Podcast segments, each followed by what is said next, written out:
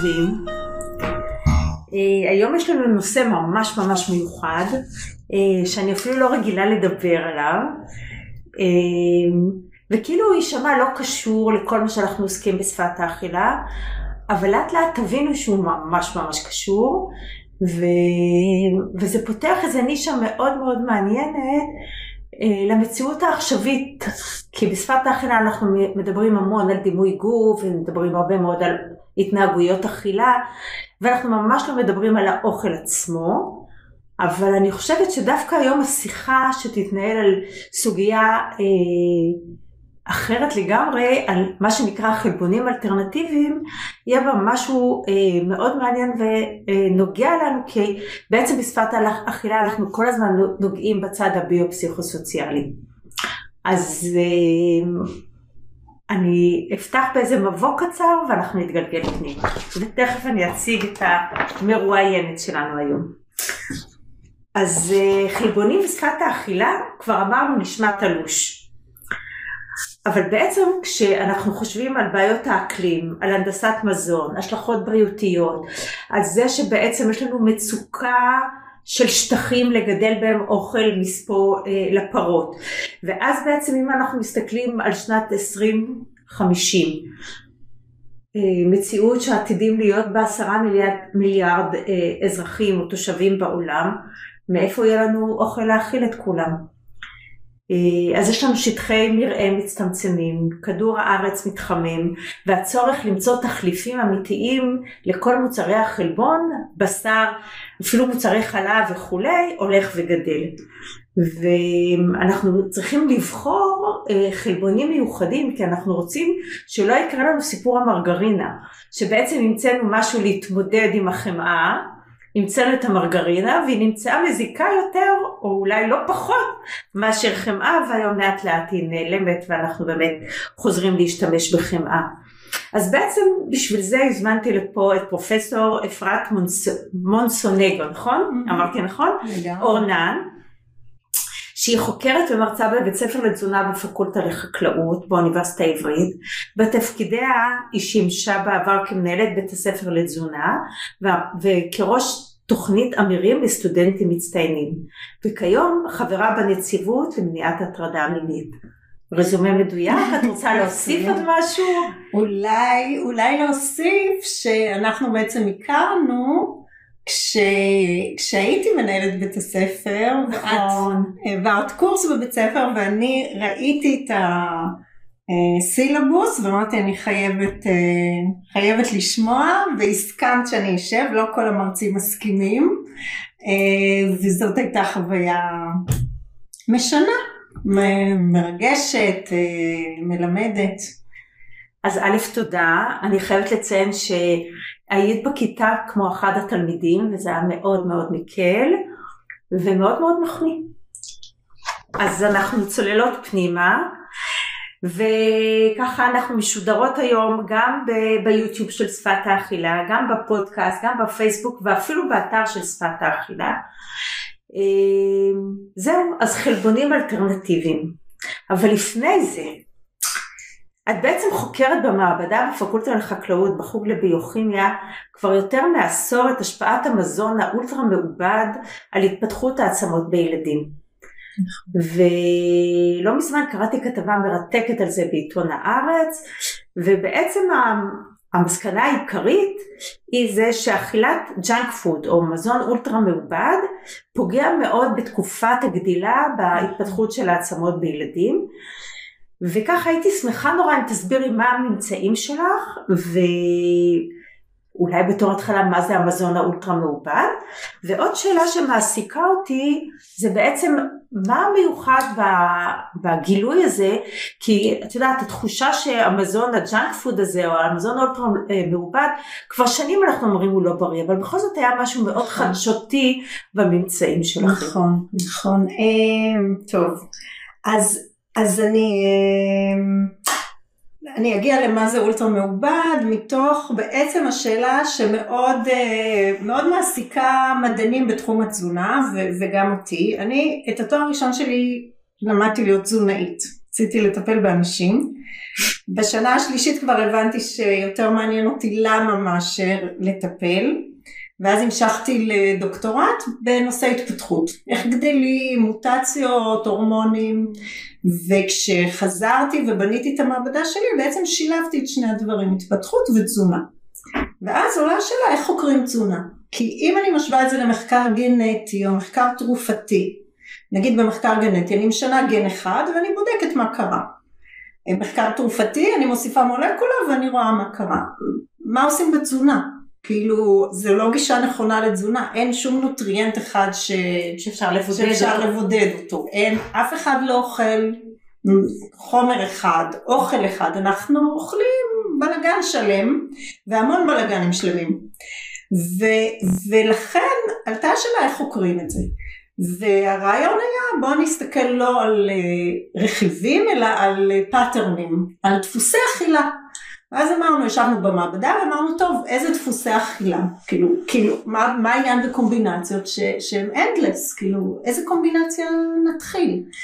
והיה כזה סיעור מוחות, הסטודנטים, הרוב הסטודנטיות לתזונה, זה מאוד אה, חם. מאוד חם, ו- ואוכל, זה כולם מאוד מתרגשים מאוכל, מה חוקרים, מה חוקרים, ואז אמרנו בואו נלך על ה pattern של ג'אנק פוד. אבל במדע צריך להגדיר, צריך לעשות definition, צריך...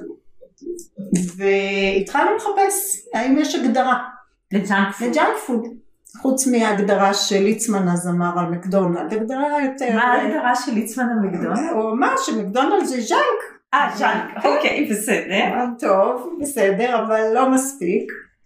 אה, ומצאנו שב-2008 חוקר ברזילאי, אה, מונטריו, בעצם עשה הגדרות חדשות לתזונה. ההגדרות הישנות שאנחנו למדנו אותן זה היה שמחלקים את התזונה לפחמימות חלבונים שומנים ומתחילים לשחק איתם שיהיה מספיק חלבון שלא יותר מדי פחמימות, פחמימות פשוטות מסובכות. והוא בא ואמר כל זה היה מאוד יפה כשקנינו מוצרים, מוצרי חקלאות, כי תזונה זה חקלאות, כאילו אנחנו בעצם מגדלים את מה שאנחנו אוכלים וצורכים את זה. ואז פעם היינו קונים תפוחים, עגבניות, אה, בשר, אה, ביצים, ואז היה נורא חשוב לדעת האם זה פחמימה, האם זה חלבון, האם זה שומן, כדי להרכיב משהו טוב, מאוזן. אבל היום אנחנו לא אוכלים ככה, היום אנחנו קונים שקיות, חבילות, קופסאות, כל מיני דברים. ו- וממזמן אנחנו לא מתעסקים במוצר עצמו, אנחנו, זאת אומרת, אנחנו מתעסקים במוצר, לא ב... לא ב... וממה הוא מורכב ואיך הוא מורכב. כן. ולכן בא מונטריו ואמר זה לא definition נכון כדי לתת, למה אנחנו צריכים definition של מזון כדי לתת המלצות? אנחנו רוצים אוקיי. להגיד תאכלו זה, אל תאכלו זה, באיזה מילים נשתמש? מונטריו אמר בואו נעשה את החלוקה של מזון לפי מידת ה processing שלו. האם הוא מעובד, האם כן, יהיה, יהיה מזון לא מעובד, מזון מעובד ומזון אולטרה מעובד. שהלא מעובד זה מאוד ברור, פירות, ירקות, אגוזים, אה, קטניות. אחר כך יש לנו מזון מעובד, גבינות זה מזון מעובד, לקחנו חלב, הצסנו, יוגורט, מזון מעובד, לחם, מזון מעובד, לקחנו חיטה, טחנו. אבל יש לנו קטגוריה שלמה של מזונות שלא הייתה קיימת עד לפני 40-50 שנה, היא לגמרי תוצר של התעשייה. אף אחד מאיתנו בבית לא יכול להכין אותו בכלל, כל מיני דוריטוסים ובמבות ודגני בוקר, עלק דגנים. כן. אה, ו- ואותה מכינה רק התעשייה בתהליכי עיבוד מאוד מאוד כבדים, אה, מאוד רחוקים מהמטבח המסורתי, ועם המון כימיקלים בפנים, עם המון צבעים, חומרי טעם, חומרי ריח, חומרי שימור, חומרי אמולסיה, בלי סוף דברים, ובסוף אנחנו מקבלים משהו בשקית שיש לו טעם לדעתי שמכוון להיות irresistible, שלא נוכל להפסיק לאכול. יש לו מרקמים, זאת אומרת המרקם הקריספי הזה, נגיד של אה, שטוחים או של אה, דוריטוס, איפה יש אותו בטבע? מה קריספי כזה? זה בכלל לא, בכלל לא קיים. זאת אומרת, בנו לנו איזשהו מוצר מזון שיש בו שילוב מטורף של מרקמים, טעמים וצבעים, כאילו דגני בוקר בצבע תכלת נגיד, שאנחנו פשוט לא מסוגלים, הגוף לא מכיר אותם אבולוציונית, ואנחנו לא יודעים להתמודד איתם. אנחנו בעצם, אי אפשר... לא ברמת העיכול ולא ברמת החוויה הפנימית, איך איך לטפל בזה. ממש. אה, עכשיו יש עוד מזונות שקשה לעמוד בפניהם, זאת אומרת ריח של אה, לחם, אה, שאופים לחם, הבית מתמלא בריח שכולם רוצים לאכול. אז בסדר, גירוי החושים זה, זה בסדר, אבל כאן בנו לנו איזה מוצר עם מין tipping point של הכל ביחד, שכל פעם שאנחנו פותחים שקית נגמור אותה עד הסוף. וזה מזון ממכר בעצם. וכמו שאמרת, ההשלכות הבריאותיות שלו, זה לא, לא המצאתי, יודעים, השמנה ומחלות לב ו metabolic syndrome, כן. כן, וזה נובע מזה שיש שם המון שומן והמון סוכר והמון מלח ושמים קומבינציות של מלח וסוכר שימסכו אחד על השני כדי ש... שבכלל, ואז נשים עוד, כן. כן, והם בכלל משתמשים בהם כחומרי שימור, ו... אז, אז כל הדברים האלה היו ידועים, אבל איך זה משפיע על עצמות לא היה ידוע.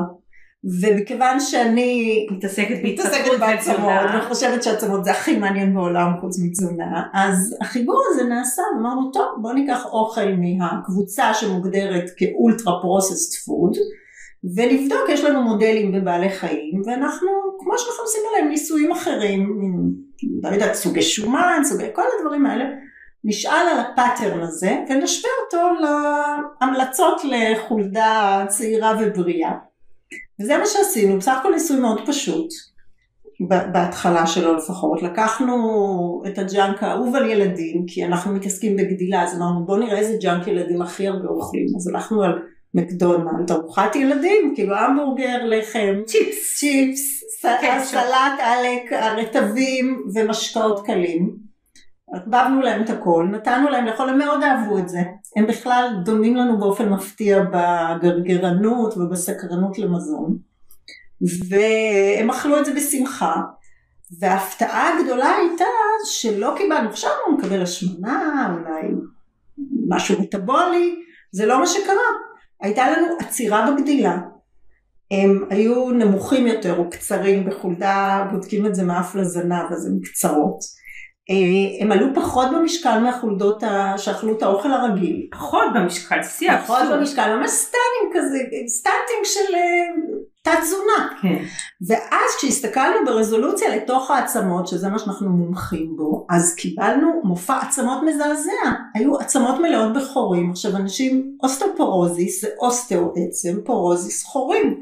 זה מה שראינו, ראינו חולדות צעירות עם עצמות שצריכות להיות מצוינות. אוסטופורטיות לגמרי, מלאות חורים.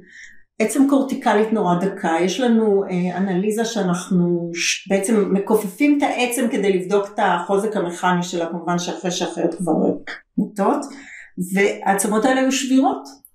הם נשברו בצורה מזעזעת. בילדים באמת לא עשיתם, זה כאילו זה, לא. זה בחולדות. ובעצם את החולדות האכלתם רק באוכל הזה. נכון, נכון. מה שרוב היה, רוב הילדים הם לא שם. אני מקווה, אני בוא נגיד אני מקווה, כן. אבל בעצם זה מתחיל לרמז לנו כל הזמן על מה זה אוכל מעובד, נכון, וההשפעה שלו, וההתפתחות בעקבות זה של הילדים, וזה תכף יעלה לנו שאלות דומות אני מניחה בנוגע לחלבונים האלטרנטיביים. ולהמצאות של תעשיית המזון. ולהמצאות החדשות של תעשיית נכון. המזון. האם באמת זו חלופה אמיתית לשדות הטבעיים של הטבע ולפרות שמלחכות עשב? נכון. אז, אז אה, אוקיי. אז בעצם אנחנו שמות בצד כרגע את המזון. רגע, אבל עוד משהו, בגלל שאמרת לא, לא, ילדים לא אוכלים ככה, כמה את חושבת שאוכלים מזון אולטרה מעובד? מה יהיה? בישראל? מה אחוז, כן, מה אחוז מתוך הסל שלנו? אני לא יודעת לך להגיד, אני חושבת שילדים אוכלים פעם בשבוע מזון כזה, לא? אני, אני תמימה? מאוד, 70 אחוז. מהמזון שאנחנו אוכלים, שילדים אוכלים, הוא אולטרה מעובד. כי זה לא רק מקדונלד. לא, לא, ברור, זה כל הבוקר, וכל זה. זה כל המשקאות הקלים, זה כל ה... גלידות. אה, convenient food, ready to eat, חטיפים. 70 אחוז. 70 אחוז מהסל, מזון אולטרה מעובד. נקניקיות מהסופר, המבורגרים. לא האמנתי שזה ככה. אני גם לא. וואו. אז, אז נכון שאף אחד לא אוכל 100% מקדונלד. אבל 70% אחוז זה כמו 100%. אבל 70% אחוז זה כבר מטורף. מטורף. מטורף. וואו. טוב, אנחנו נוכל להגיד שזה, ה... שזה יהיה הכרזה, או את יודעת, שורת המפתח של הראיון שלנו, 70% מהילדים בישראל אוכלים אוכל אולטרה מעובד. כן. וואו. או שהפוך בעצם, 70 70 אחוז אחוז מהמזון. שלהם. כן. וואו.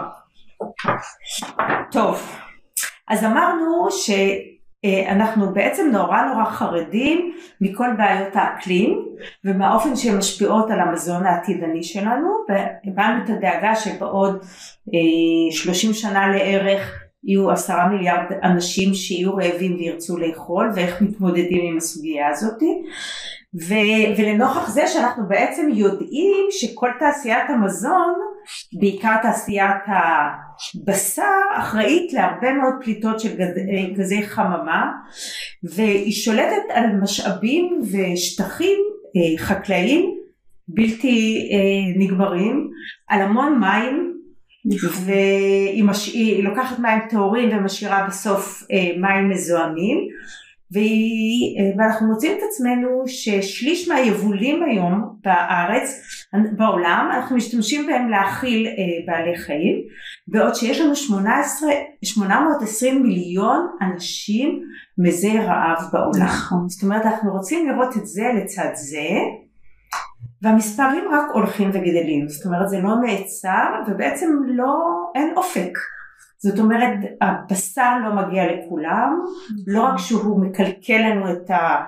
ויוצר בעיות אקלים משל עצמו ופליטות של גזי חממה, יש לנו פה בעצם אין ספור אנשים מורעבים. אז אין פלא שעולם הפוטה את על המציאה. ויותר מהמחקר אני מניחה שמה שקורה פה הרבה מאוד זה הכסף ובעצם הרצון לייצר חלבונים אלטרנטיביים ש... כן. שיהוו חלופה. שיהוו חלופה, זה, זה בדיוק העניין. אנחנו צריכים למצוא דרך להאכיל יותר אנשים עם פחות נזק לסביבה. זה מה שאנחנו נזק צריכים. לסביבה. וזה כנראה, זה לא כנראה, והמפתח לזה זה שיפט מחלבונים מן החי לחלבונים צמחיים.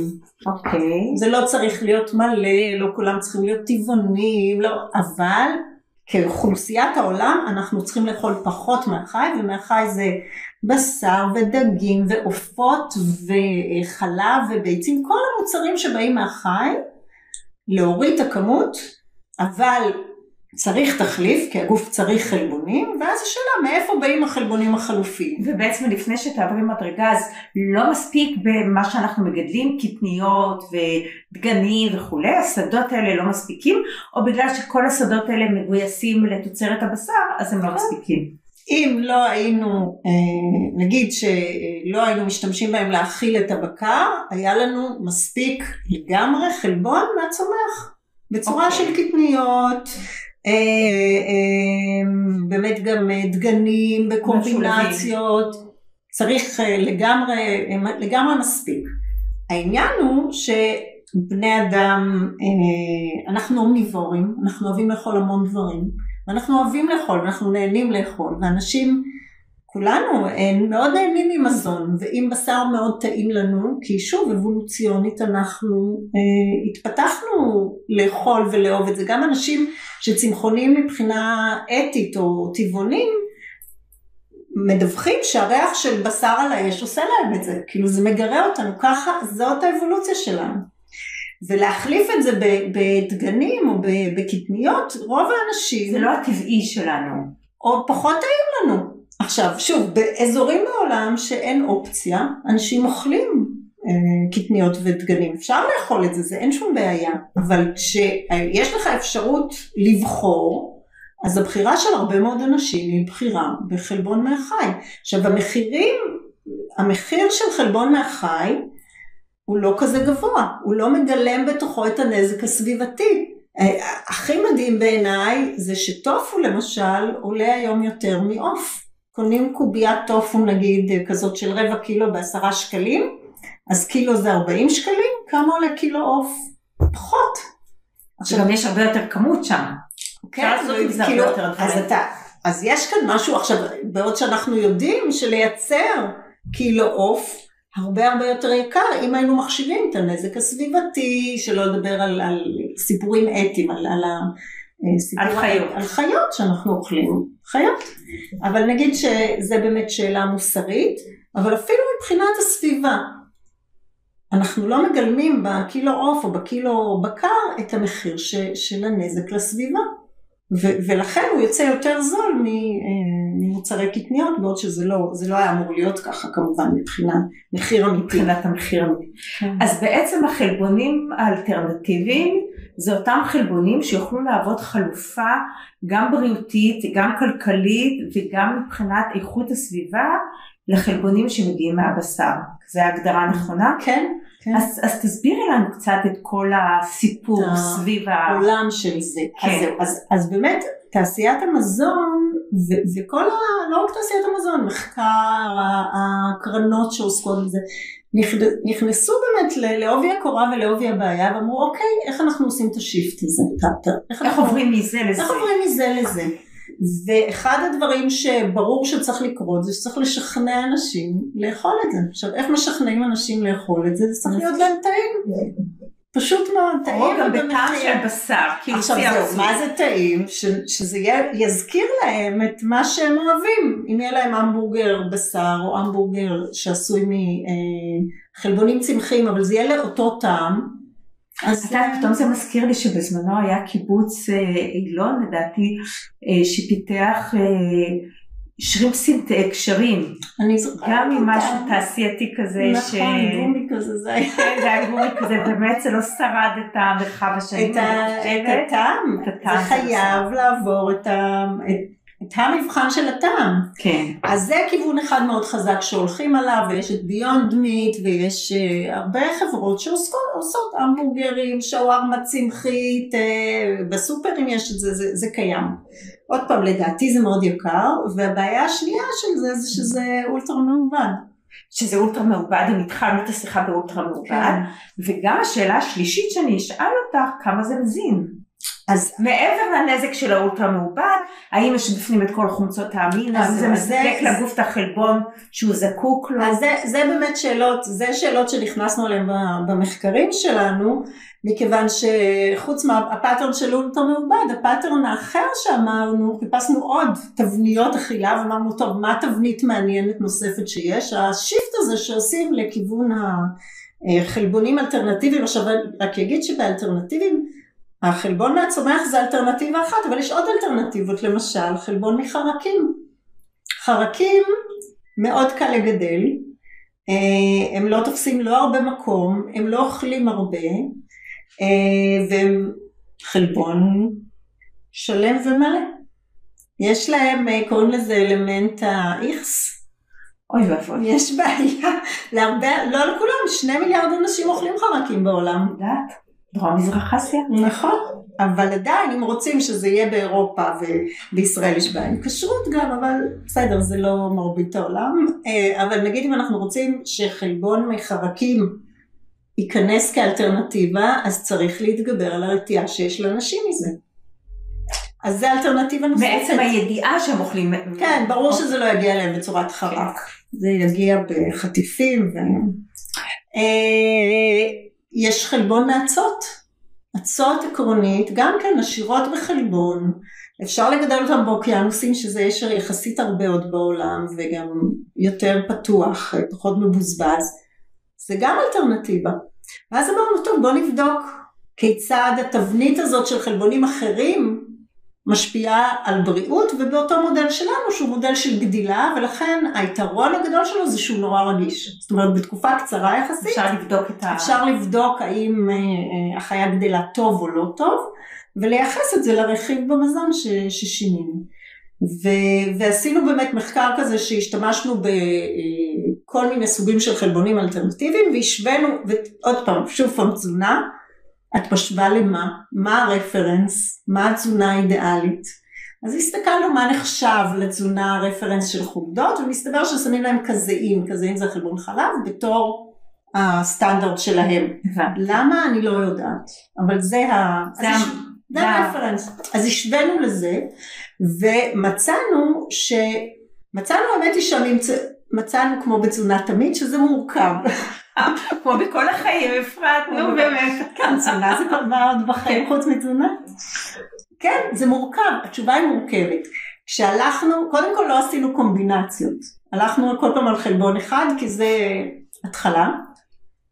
וכשעבדנו על דיאטה שהיא מוגבלת בחלבון, כלומר נתנו עשרה אחוז חלבון מהדיאטה, עשרה אחוז מהקלוריות בחלבון, שזה גבולי, זה בדיוק אנחנו צריכים שצריך, 15 אנחנו צריכים 15 ובשפע זה 20 כזה, אז עשרה אחוז זה גבולי, אז באמת כשנתנו עשרה אחוז ראינו הבדלים בין החלבונים השונים, מצות לא היו טובות, חרקים היו בסדר אבל לא כמו הקזאין, אה, חלבון חומוס היה דווקא אה, להפתיע, היה טוב. בסדר.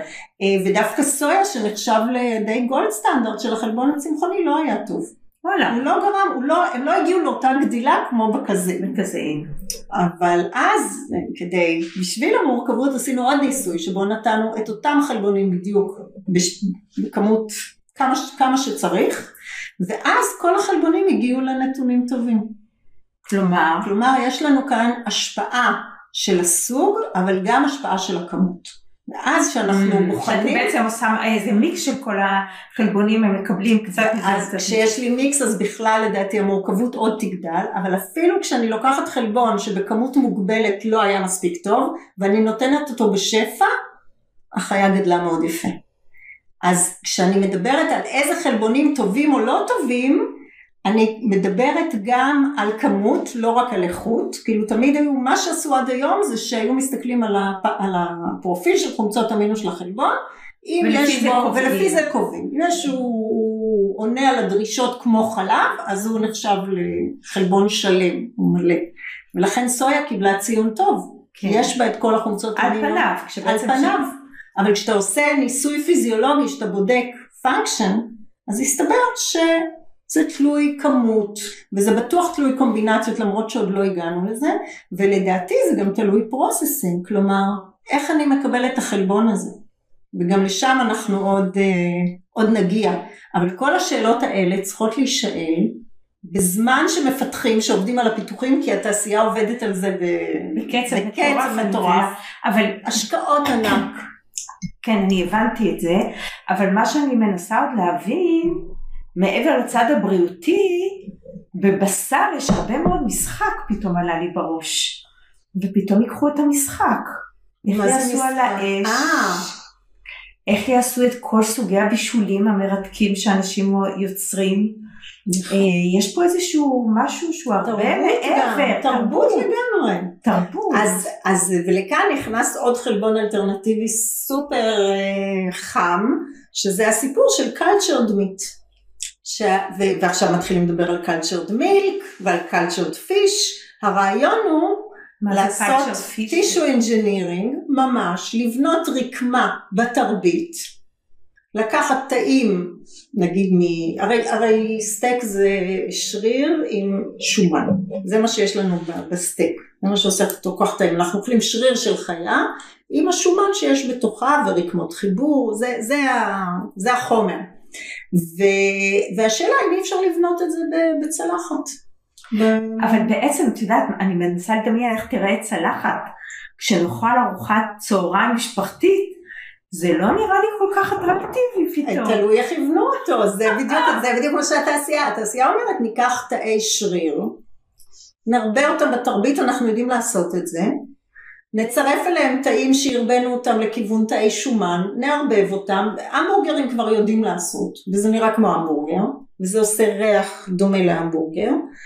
אה, יש סיפור עם המרקם, אנחנו. גם, אנחנו גם אה, מגיבים למרקמים מאוד ורגילים למרקם של בשר כולם, אומרים בשר גומי, בשר כאילו אנחנו מתייחסים לזה.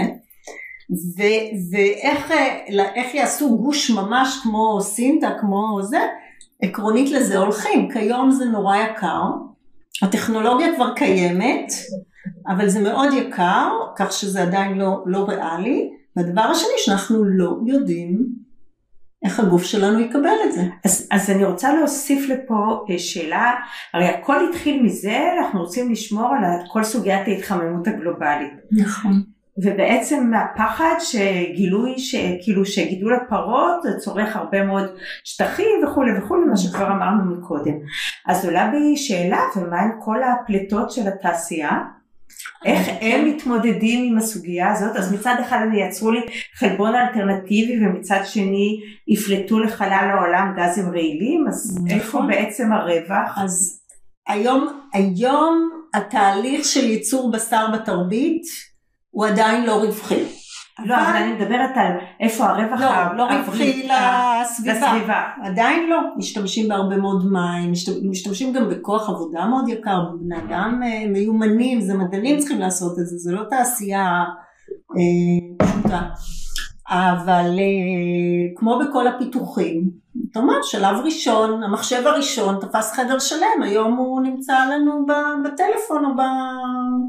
אה, בשעון. אז זאת המחשבה, אנחנו בשלבי פיתוח, המחירים הולכים ויורדים, התהליך הולך ונהיה יעיל. יותר, אה, מוצאים תחליפים למדיום היקר, לגורמי גדילה, מוסיפים לזה עוד המון יתרונות אחרים, הם מדברים על זה שחיות אה, נזקקות להרבה מאוד טיפולי אנטיביוטיקה כדי שיהיו בריאות וייצרו לנו את הסטייקים שאנחנו רוצים ובתרבית יחסכו לנו את זה אז יהיה פחות עמידות לאנטיביוטיקה בקרב האוכלוסייה. זאת אומרת, יכול, הפוטנציאל של זה הוא באמת אה, עצום. אני, מכיוון שאני באה מכיוון התזונה, וכמו שהזכרת את אה, פרשיית המרגרינה, אני חושבת שאנחנו חייבים כל הזמן גם להגיד, רגע, בואו נבדוק את זה גם בריאותית, כדי שלא יהיה מצב שזה ייכנס וזה יגן על הסביבה, ועוד 30 שנה נגלה את הברוך הבא. זה יהיה ריבאונד מאוד מאוד גדול, כן. ואז זה מעלה לי בעצם, אם אנחנו מדברים על מחירים יקרים, ואנחנו כבר יודעים שהיום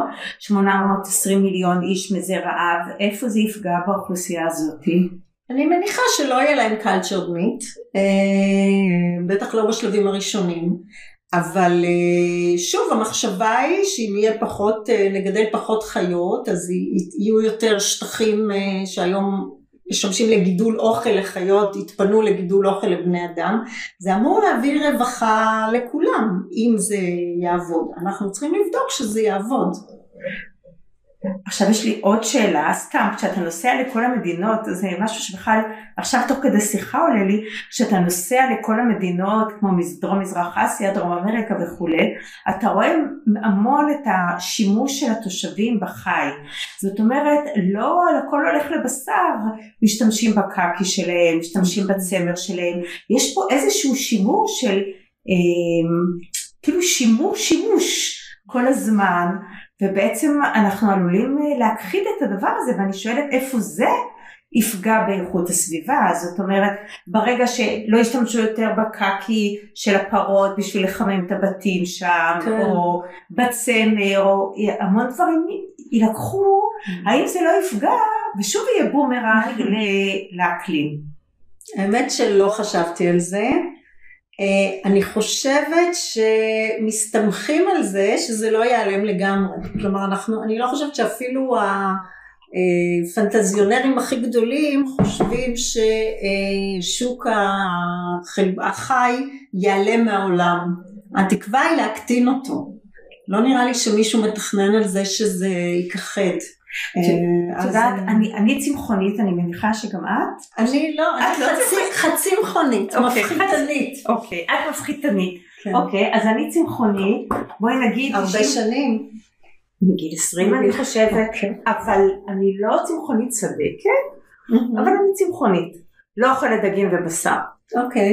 אה, אבל למרות שגם אני, והילדים זוכרים לי את זה עד היום, שלפעמים כשהם היו קטנים והיינו הולכים למקדונלד, הייתי טועמת נגץ.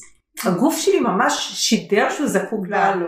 לבא לו זה, אבל מה שאני אה, שואלת, שבעצם העולם הולך לקראת השינוי הזה גם, זאת אומרת, אה, כמות הקרנבורים העולמית אה, תשתנה? אה, שוב, זה, זאת השאיפה. אנחנו לא, תראו, בפועל עדיין זה לא קורה. בפועל, למרות שבישראל יש לנו הרגשה שכן, כמות ה, בכלל המודעות לצמחונות ולטבעונות מאוד, אה, מאוד עולה, ואנשים מתעסקים בזה, ו... אבל כשאנחנו מסתכלים על העולם, ועוד פעם ישראל עם כל הכבוד זה פירור. פירור, אז uh, מספיק שבסין המעמד הבינוני גדל בכמה עשרות מיליוני אנשים, עברו ממעמד נמוך למעמד בינוני, ועכשיו הם יכולים להרשות לעצמם פעם בשבוע לקנות בשר. כל שוק הבשר עולה בקצב מטורף. כלומר, יש מדינות שמשפיעות על זה הרבה הרבה יותר מאיתנו. וואלה, לא חשבתי על זה בכלל. וזה אחד הדברים שראו בסין. בסין חלק גדול מאוד מהאוכלוסייה היה צמחוני לא מאידיאולוגיה אלא פשוט מעוני. וברגע שמצבם הכלכלי השתפר אז גם הם רצו לא רק בחג לאכול חזיר אלא גם בסוף שבוע. ושיפט כזה הוא מבחינה כמותית הוא מטורף. נכון. אה, אז, אז אנחנו עוד לא במקום הזה של, ה, של השינוי, אנחנו בעיקר במקום שאנחנו עובדים לקראת השינוי, והעולם, עכשיו הייתי, ב, חזרתי שבוע שעבר מוועידת האקלים של האו"ם שהייתה בשערים, הקופ 27, ובוועידה הזו פעם ראשונה, לא הייתי באחרות אבל ככה מספרים, הכניסו את כל הסיפור של המזון והתזונה אה, כגורם משמעותי בתוך שינוי האקלים, כלומר כל הזמן דיברו על אה, אה, דלקים ועל גז והרבה מאוד דיברו על אנרגיה, זה תמיד היה הנושא היחיד כמעט, זיהום, זיהום האוויר, זיהום, ו, והשנה הזו שמו גם את המזון בתור נושא שגם מאוד נפגע מהשינויים באקלים, אזורים שלמים בעולם שגידלו מזון מסוים לא יכולים לגדל אותו יותר כי הטמפרטורות עלו בשתי מעלות, כי יש פחות מים עכשיו זה לא, אז מייבאים, יש מדינות בעולם שאם הייתה שנת בצורת אנשים מתים מרעב, כלומר זה, זה מאוד רציני, או כל התעשייה משתנה, כל החקלאות שלהם משתנה, אז זה גם מאוד משפיע על זה, אבל גם האקלים מאוד מושפע מתזונה, זאת אומרת יש כאן איזה מעגל ש... יש פה איזה מעגל מטורף, אז אה, פתאום עולה לי שאלה גם, לפני שנתקדם דווקא על סוגיות האקלים, משהו שאני עוד זוכרת מקודם, איפה הקאץ' של חלבונים אלטרנטיביים? איפה זה אה, שאלות מוסריות, אתיות? כאילו זה נראה כאילו זוהר מדי ומשהו... אני חושבת שהקאץ' הוא בזוהר. הקאץ' הוא בזוהר. ברגע שיש לך איזה מין פתרון, באמת, שהוא עונה על הכל, הנה, גם נייצר, גם נחסוך, גם לא נזהם, ו- ורצים אליו בלי לבדוק, בלי לבקר, מה עם רגולציה, מה עם בדיקות של הדברים, מה... זה בעיניי שם הקאץ'. עכשיו יכול להיות שבאמת באופן, באופן אבולוציוני אכלנו תמיד חלבונים מהצומח, הגוף שלנו מסוגל להתמודד איתו. לרוב האנשים, יש אנשים שיש להם אלרגיות ספציפיות, אבל זה מאוד מאוד נדיר. רוב בני אדם יכולים לעכל חלבונים מהצומח ולהשתמש בהם והכל בסדר. אנחנו פשוט לא יודעים, וברגע שאנחנו רצים לפתרון בצורה כל כך גורפת, גורפת אז uh, אנחנו נגלה את הבעיות בהמשך. מה שאמרת פתאום על, על שינוי מסורתי ב, ב, בשווקים האחרים שקשורים לבעלי חיים, בכלל לא חשבתי על זה, על אני יודעת מה, היפוך מנוצות אבז. אה, אבל אני מניחה שאפשר בכל נקודה כזו לטפל. Uh, העניין הוא שצריך לעצור ולטפל, צריך להתייחס לזה שאנחנו עושים שינוי גדול ו- ולבחון אותו, גם, גם ברמה התרבותית אבל גם ברמה הבריאותית, באמת איך זה, איך זה ישפיע על הבריאות שלנו, איזה תוספים מוסיפים להמבורגר, לביונד מיט כדי שהוא יהיה כל כך טעים, הוא באמת טעים ביונד מיט. אני רוצה לדעת בדיוק מה יש שם. אה, הולכים לעשות, אה, עושים היום חלב בחיידקים, מייצרים את חלבוני החלב בחיידקים. עשו לנו גבינות מחלב שמיוצר בחיידקים. הלוואי שאפשר, אבל בואו נבדוק את זה, בואו נראה אם זה באמת בריא. ומנסים לעשות את זה, או שכאילו, או שכשהתעשייה עובדת היא עובדת ו... ושולחת את זה לעולם? התעשייה, כ... כ... אני מניחה כדרך, כדרך התעשייה, אה, רוצה להתקדם ולהרוויח, אה, זה, זה בסדר, זה התפקיד שלה. הרגולטור צריך לשמור עליה, ש...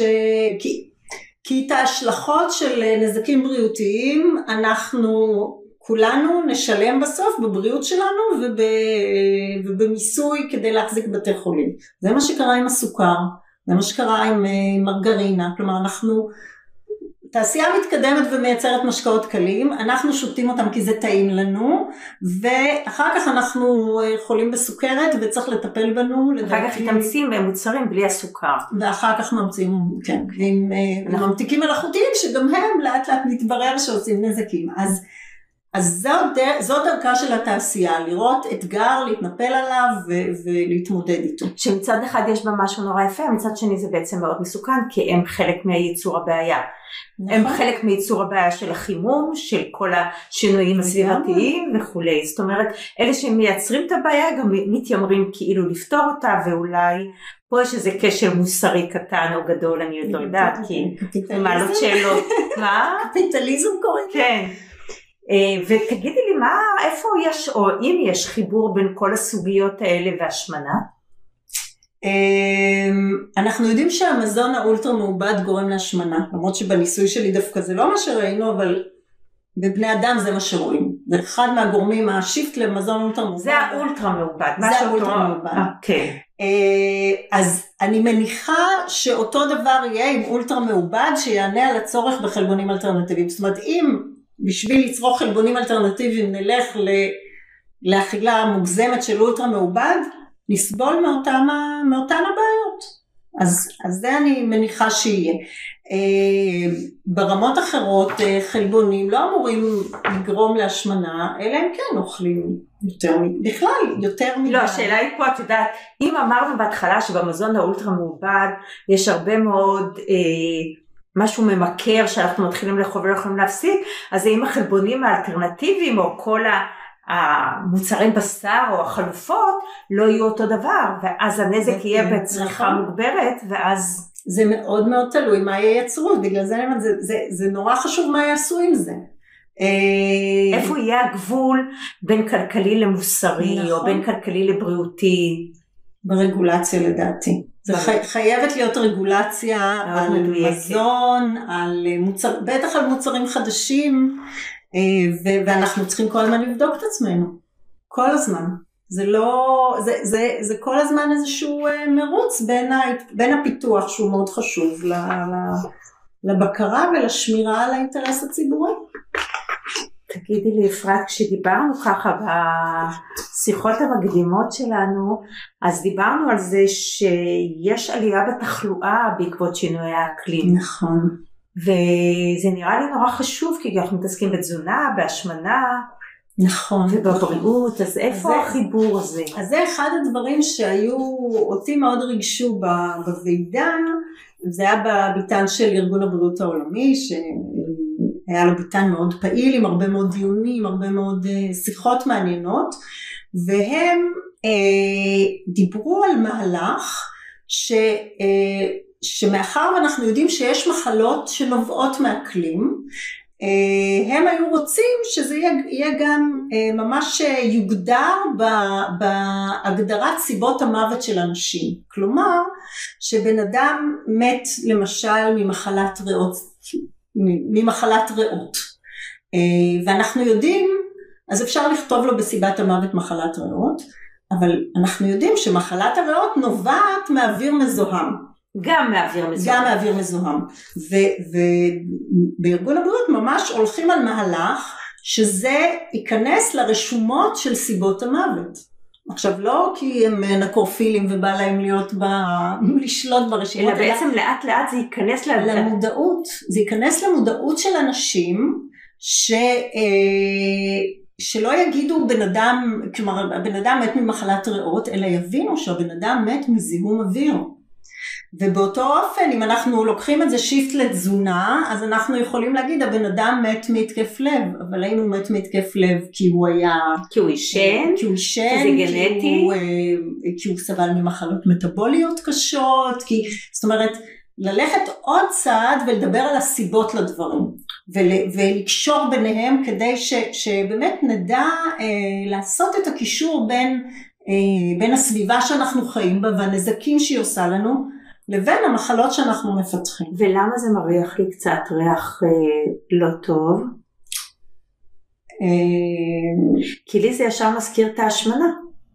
סתם okay. אוקיי. בתקופת הקורונה, אה, המון אנשים נפטרו מהקורונה, נכון. אבל כתבו שהוא נפטר מהשמנה. אני חושבת שהפוך, לא? זאת הייתה הטענה. הטענה הייתה ש... אבל לא משנה, אחד מהשני, אני לא כן. לא זוכרת, ובעצם סיבת המוות הכתובה הופכת להיות איזשהו נכון. כלי בידי התעשיות עוד נכון, פעם. זה נכון, וה... כי בעצם ככל שיגדילו את הקהל של האנשים שמתים בגלל שינויי האקלים, יקבלו יותר תקציבים ויהיה מין תהליך כזה. ולך תדע מה ביצה ומה התרנגולת וכאן נכנסנו לאיזה לופ אינסופי. זאת כמובן, זאת כמובן הסכנה, אבל אני חושבת שהיא תמיד קיימת. אנחנו רק צריכים לראות לאיזה כיוון היא הולכת. כלומר, אמ, זה ברור שיש, ארגון הבריאות העולמי, זה ברור שהוא רוצה ליצור סביבה יותר בריאה, ולכן הוא עושה פעולות שיביאו לסביבה יותר בריאה. על הדבר הזה תמיד אפשר להתלבש.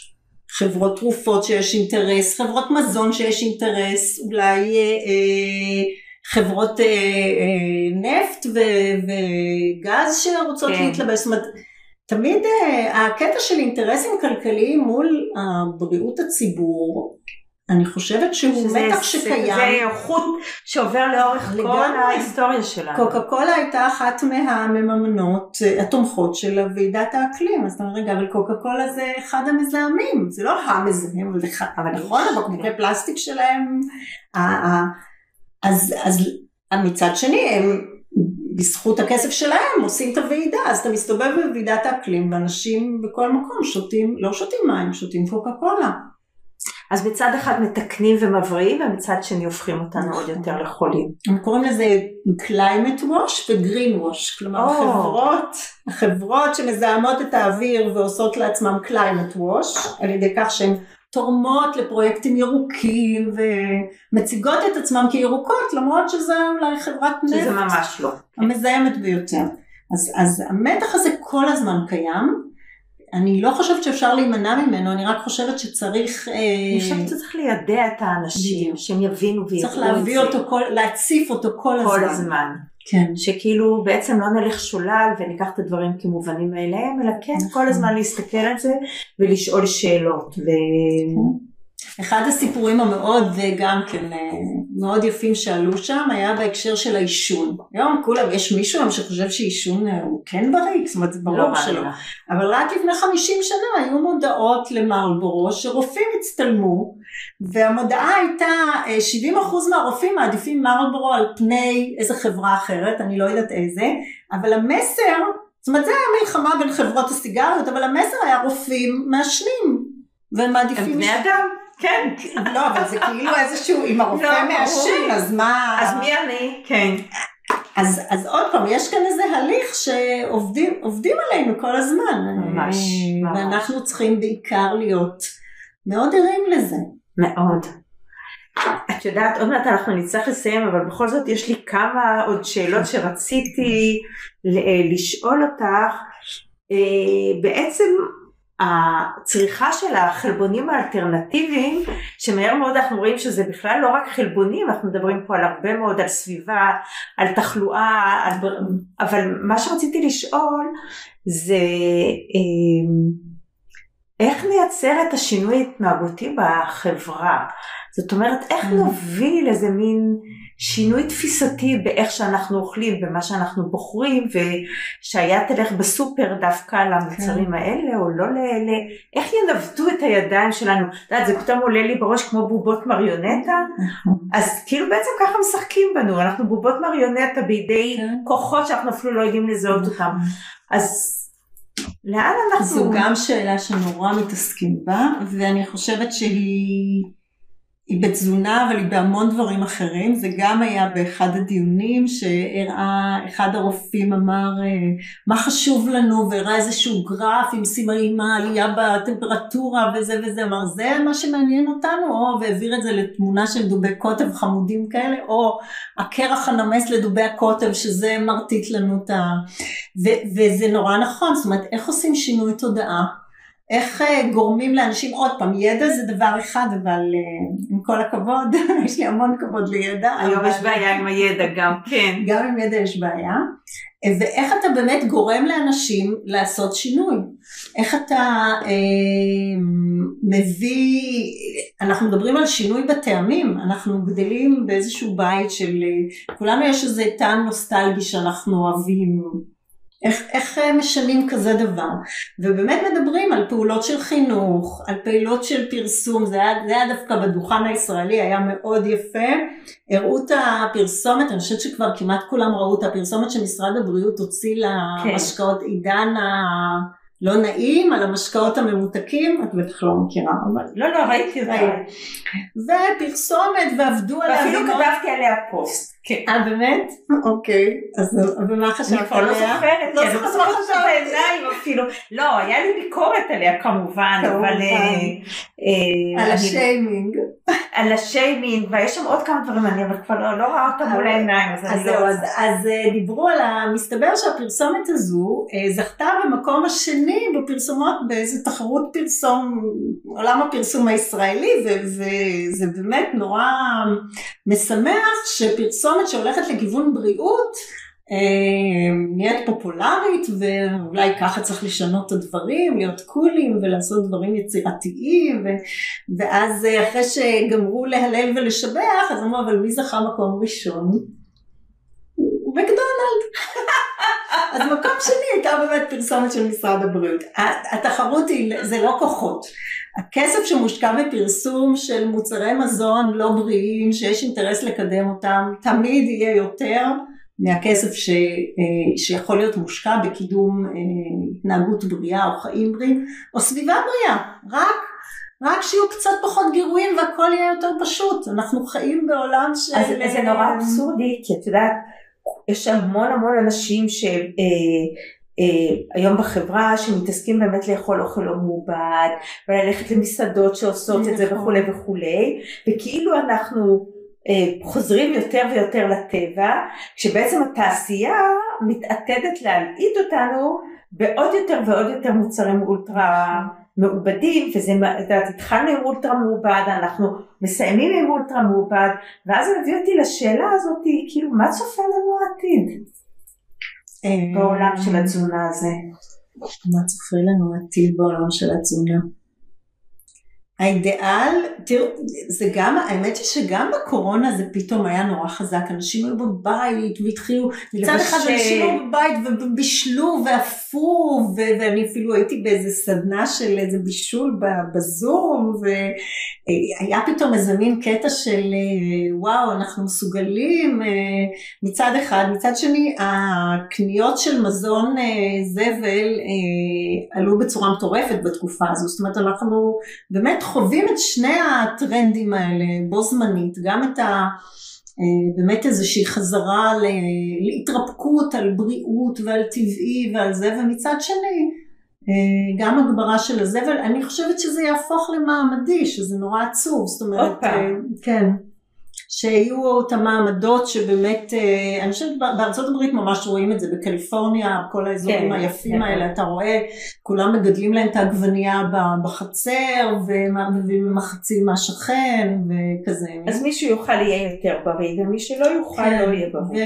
ובאזורים אחרים אה, אוכלים באמת מקדונלד כל יום, וזה יותר זול מלקנות עגבנייה וחצים. כן. אז, אז בעולם אידיאלי יהיה מיסוי על מזונות לא בריאים וסובסידיה למזונות בריאים וכולנו נפנה עוד קצת זמן לבישול ולאכילה, אה, זה, זה לא רק הבישול, זה לשבת לאכול ולא לחתור. המושג חטיף הוא מושג, הוא כל כך מעצבן תזונתית, כאילו מה פתאום חטיף, למה לחטוף אוכל, תשב, תאכל, תהנה. תקדש אותו. ברור, תחגוג. מי חטף? אבל בסדר, אבל כן, זה מה שיקרה. אבל תראי את האבסורד, זה בדיוק מה שתעשיית הדיאטות עשתה לנו. היא בעצם הרחיקה אותנו מליהנות מהאוכל, מלהתענג בו. נכון. אנחנו מפחדים מכל דבר שאנחנו אוכלים. בעצם מה שאנחנו מבינות לקראת הסוף, שזה קצת משהו... הקיצר, אנחנו נעשים סכיזופרנים בצורה מוחלטת. לא נדע מה בריא, מה לא בריא, מה משמין, מה לא משמין, מה טעים, מה לא טעים. די פשוט. גם בעיניי. אם זה יהיה, ככל שזה קרוב, פעם אמרו, אם סבתא שלך לא מזהה נכון. האוכל, אל תאכל. אל תאכל, ואם במוצר יש יותר מחמישה דברים נכון. אה, לא מזוהים, עזוב. עזוב. אז, אבל אם זה מוצר שאתה, אם זה, ו, ושוב, אנחנו מדברים על חלבונים, אז אם זה תרנגולת, אז קודם כל בוא נדע שאנחנו אוכלים תרנגולת, אנחנו לא אוכלים שניצל, אנחנו אוכלים תרנגולת. מי שחי עם זה בשלום, זה בסדר. נכון. אבל אבל להכיר בזה שאוכלים תרנגולת, להכיר איך נראה תפוח אדמה, תפוח אדמה לא נראה כמו צ'יפס במקדונלד, תפוח אדמה, אה, כאילו להיות, ככל שזה יהיה יותר קרוב למוצר החקלאי, אנחנו נהיה יותר בטוחים שאנחנו בסביבה הנכונה. ועל זה אני חותמת בשתי ידיים. תודה ענקית לפרופסור אפרת מונסנגו. מונסונגו? מונסונגו אורלן, כן. אז השם הזה הוא מורכב, ופעם דיברנו על המקורות שלו שהם נכון. מאוד מאוד מעניינים.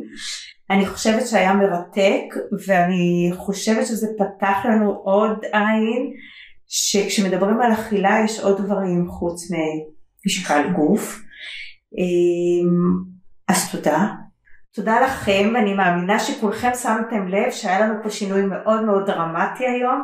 יצאנו מהזום ואנחנו כאן אה, בקליניקה שלי בשפת, של שפת האכילה ואני רוצה לשתף אתכם שהרעיון הבא יתקיים עם אה, דוקטור גליה הילדסהיימר שהיא עורכת דין ומרצה למשפטים במרכז האקדמי פרס והפעם נעסוק בחוק הדוגמנויות.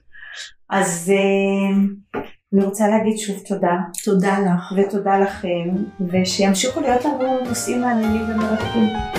אז ביי.